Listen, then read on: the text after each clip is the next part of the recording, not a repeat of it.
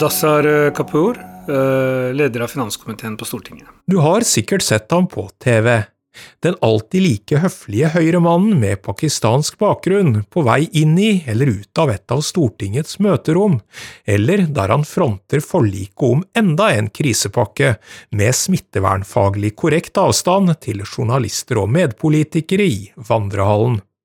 Tre måneder i strekk ledet Mudassar Kapur forhandlingene om krisepakke etter krisepakke, om den intrikate oljeskatten og om revidert nasjonalbudsjett. Man tar jo den vakta man er satt opp på.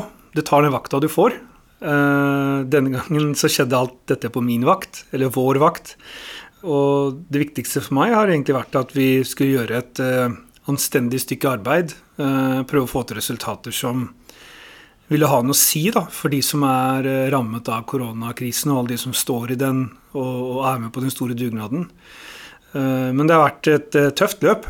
Det har vært ordentlig trøkk. Det har vært lange dager med tøffe forhandlinger, men konstruktive. Og det har jo gått i ett, nesten tre måneder sammenhengende.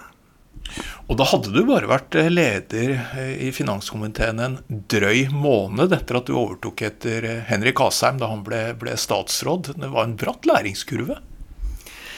Ja, men det tror jeg faktisk var for alle som satt i de forhandlingene. Og egentlig også for regjeringen og, og andre ganske, ganske, erfarne politikere som har sittet på Stortinget ganske lenge. Jeg er jo selv i min andre periode. Og hadde bl.a. Uh, muligheten til å jobbe med uh, den uh, såkalte flyktningkrisen også i sin tid. Men, men denne, denne, krisen er jo den mest, hva skal vi si, markante langs mange flere akser ikke sant? siden andre verdenskrig. Så jeg tror alle fikk både brukt all den erfaringen de har, men de fikk også lært veldig mye og fikk en erfaring de aldri har hatt før. Hva har vært det viktigste hensynet å ta i disse pakkene?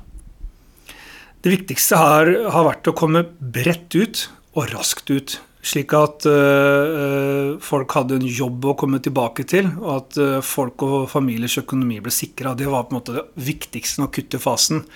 Så har man etter hvert øh, selvfølgelig lagt frem pakker som ser mer fremover, slik at vi også har en vei ut av krisen. Skal, mange av de utfordringene som lå der før krisen, vil jo fortsatt være der behov for å skape flere jobber, at flere fullfører videregående skole, det grønne skiftet. Eh, men, men, akkurat gjennom den intense våren her nå, så har vi jo sett at uh, vi fikk mange kriser oppå hverandre. ikke sant? Hvor du på en måte både fikk oljekrise, du hadde uh, koronakrisen, internasjonal handel har hatt en setback. Så veldig mange ting ble lagt oppå hverandre. Hva, hva, vi sitter igjen med på høsten, det, det vil vi jo se, men, men jeg tror dette er langt fra over. Jeg tror på en måte at koronavirus og sykdomsbildet, altså helsedelen, der tror jeg nok at kanskje Norge blir frisk før de andre.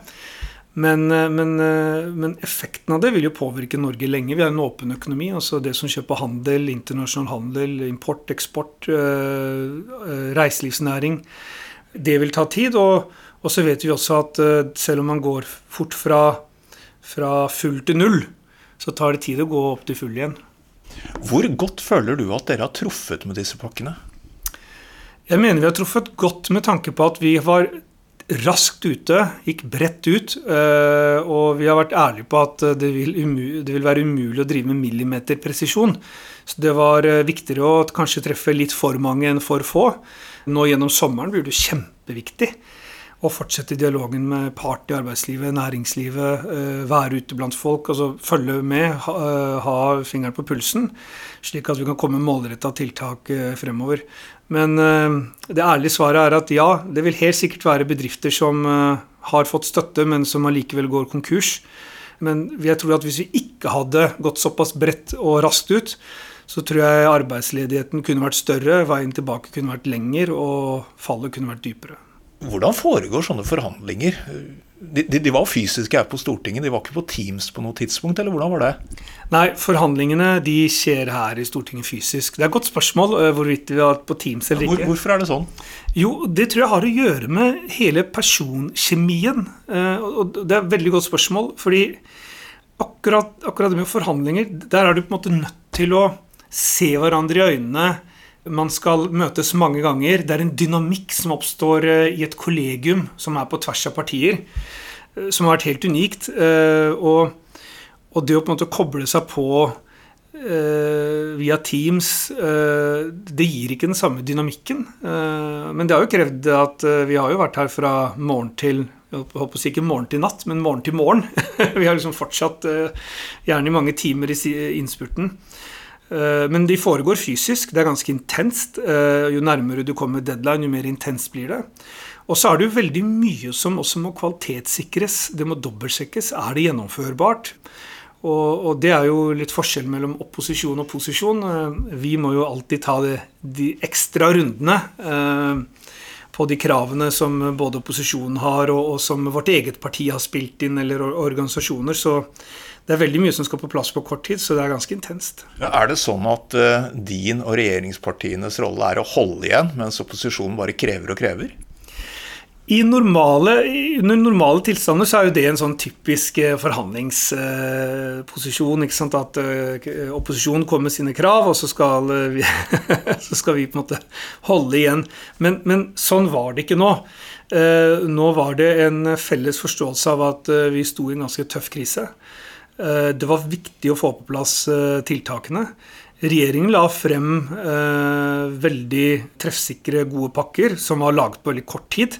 Men fordi at situasjonen utviklet seg fra time til time, dag for dag, uke til uke, altså hver gang vi satt med disse pakkene, så utviklet jo situasjonen seg fortløpende. Vi hadde et kjempetrykk fra våre egne partier, altså regjeringspartiene også, fra lokale tillitsvalgte, lokalpolitikere, organisasjonslivet, interesseorganisasjoner osv. Og, det er jo viktig at vi da på Stortinget tok det med oss inn i forhandlingene. Så det ble på en måte en miks av både opposisjonens innspill, men også egne innspill, og hva vi fikk fra samfunnslivet for øvrig. Så skal du sy det sammen til et resultat som alle fra SV og helt ut i Frp kan stille seg bak på en pressekonferanse. fordi for meg personlig så har det vært veldig viktig å få til eh, breiest mulig forlik rundt disse pakkene. Ja, hvor stor makt har du til å, åpne pengesekken? Eller er det sånn at Jan Tore Sanner sitter på skulderen din og sier nei, hør nå her, ikke vær for løssluppen nå, Modassar? Nei, altså Under normale omstendigheter så skal jo en finansminister ha en sånn bekymringsrynke der hele tiden. Men akkurat uh, i, i, i, den, altså, i, disse forhandlingene så har det på en måte vært løsningene som har vært viktigst. Altså Hvordan får vi ut disse løsningene raskest mulig? F.eks. kompensasjonsordningen. Da. da var det viktigst å få, få ut disse pengene så raskt som mulig. Og i forhandlingene så var det viktig at vi passet på at vi ikke lagde løsninger som kunne forsinke den prosessen. Hvem er den tøffeste forhandleren? Nå har jeg egentlig sittet og forhandlet med, med, hele opposisjonen, inklusiv Frp på den andre siden av bordet. Og i disse forhandlingene så er det vanskelig å peke ut, uh, peke ut måte én, uh, én part. Jeg tror uh, vår vanskeligste motstander har vel vært tiden. Følger dere smittevernreglene i disse forhandlingene? Ja, vi gjør så godt vi kan. Eh, og under forhandlingene så har vi fulgt disse smittevernsreglene. Spøkefullt så hadde jeg med meg en sånn lasermål en gang på et av komitémøtene. Sa at jeg kommer til å peke på alle og sørge for at det er nok avstand. Men, eh, men nå har vi jo bank i bordet så har vi greid å holde oss friske og raske, alle de vi som har forhandla gjennom tre intense måneder. Så vi har både greid å forhandle og, og overholde smittevernreglene. Og da siste møte var over, hadde de brukt, eller i det minste åpnet for å bruke, flere hundre milliarder kroner mer enn hvis verden hadde vært normal. Det er ikke noe tvil om at eh, oljepengebruken har økt eh, betraktelig ut ifra hva som ville vært et normalår. Eh, så det har jo blitt mange, mange milliarder mer enn det vi trodde. Men på den annen side, det, handlingsregelen er jo akkurat uh, laget for sånne tider. At vi skal holde igjen når det er gode tider. Nettopp for å kunne bruke ekstra uh, når vi kommer over i vanskelige tider. Betyr det at denne pengebruken ikke får noen konsekvenser på sikt? Jeg tror at eh, jeg tror konsekvensene av å ikke ha pengebruken ville vært helt enorme. Jeg tror at arbeidsledigheten kunne vært større. Jeg tror fallet kunne vært dypere veien tilbake lenger. Så jeg tror det at vi har redda næringsliv, redda familienes økonomi, eh, sørget for at folk har en jobb å komme tilbake til, at de tingene har bidratt til at vår vei ut av krisen blir kortere. Eh, og heldigvis da, så bor vi i et land hvor vi slipper å ta opp lån og gjøre andre type, type ting, og, og kunne bruke verktøykassa. Men det må jeg si at eh, vi har brukt veldig mange milliarder kroner i løpet av kort tid. Det betyr også at uh, alle de der ute som har fått denne støtten, at uh, jeg håper at de bruker disse pengene med kløkt. At de også er med på den dugnaden som vil kreves når vi skal begynne å reversere og justere oss tilbake til normalen. Slik at vi igjen kan bygge økonomiske muskler. Og at fremtidige generasjoner, hvis de som kommer etter oss står i en sånn krise, at de også har den samme gode verktøykassa som vi hadde nå. Mudassar Kapur ble født i Oslo av pakistanske foreldre for snart 44 år siden.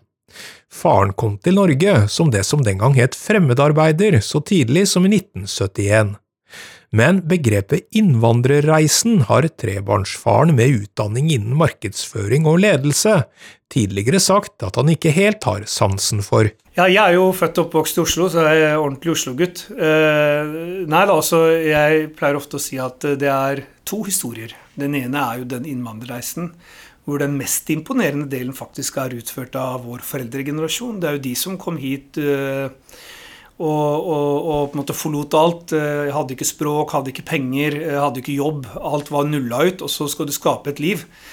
Og vi er en forlengelse av den historien, vi som har kommet etter. Eh, og har fått fantastiske muligheter i Norge. Men den andre delen av historien er jo også at vi også er enkeltindivider.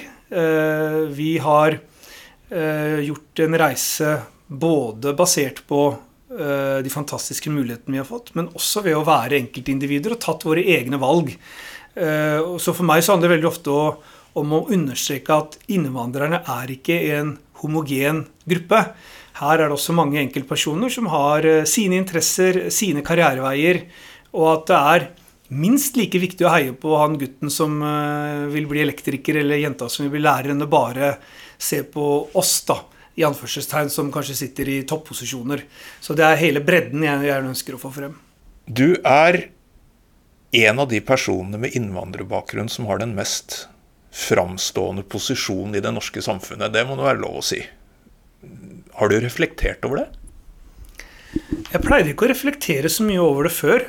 Det var litt sånn man går på jobb og prøver å gjøre en god jobb og som jeg sa i stad, tar den vakta man får, og, og gjennomfører den. Eh, på en, på en seriøs og ordentlig måte. Eh, men et, etter hvert som eh, årene har gått og jeg har vært lenger og lenger i politikken, så er det ikke noe tvil om at det jeg reflekterer over, er jo at, at jeg håper at andre mennesker med minoritetsbakgrunn ser, at, ser oss, oss, nå som sitter i forskjellige posisjoner, og, og ser at Norge er mulighetenes land, og at man gjennom en eh, god skole og en god egerinnsats, men eh, et godt fellesskap, eh, kan nå lenger enn man hadde gjort hvis man bare skulle stått hver for seg. Ja, nå på våren, forsommeren, så har det jo også dukket opp en rasismedebatt. Hvordan har du selv følt det på kroppen? Jeg tror det er umulig å ha vokst opp i Oslo, eller Norge, da, på 80-90-tallet uten å ha opplevd rasisme. Samtidig så ser jeg jo at ting har blitt bedre. Eh, men vi må aldri bli naive. Altså, dette går aldri måte, over av seg selv. Vi må alltid gjøre den jobben. Det vil alltid være noen som syns det er uh, fristende å hakke på folk som ser annerledes ut eller er svakere enn dem. Uh, dette går også inn i et større stykke arbeid som jeg alltid har vært veldig opptatt av. Det er jo å ta vare på de minoritetene. Da, altså om, det er, eh, om det er seksuelle langs den seksuelle aksen, eller om det er funksjonshemming. altså en minoritet altså, vil alltid være eh, sårbar, og det er viktig for majoritetssamfunnet å, å stille opp for dem. Eh, og rasismedebatten viser jo også at den kampen aldri er over. Det er sommer, det er fortsatt restriksjoner på en del reising. Hvilke ferieplaner har gått i vasken for deg i sommer?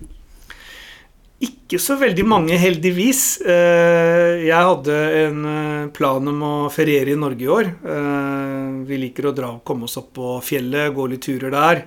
Jeg hadde en plan om å få kjørt litt motorsykkel. Nå har jeg akkurat solgt motorsykkelen min, så jeg er på jakt etter en ny. Og så komme meg litt ut i jaktterrenget vårt da, og drive litt hva skal jeg si, forarbeid til høstens jaktsesong. og så jeg kommer til å få kose meg masse i norsk natur sammen med familien som jeg hadde planlagt. Så det blir bare bra.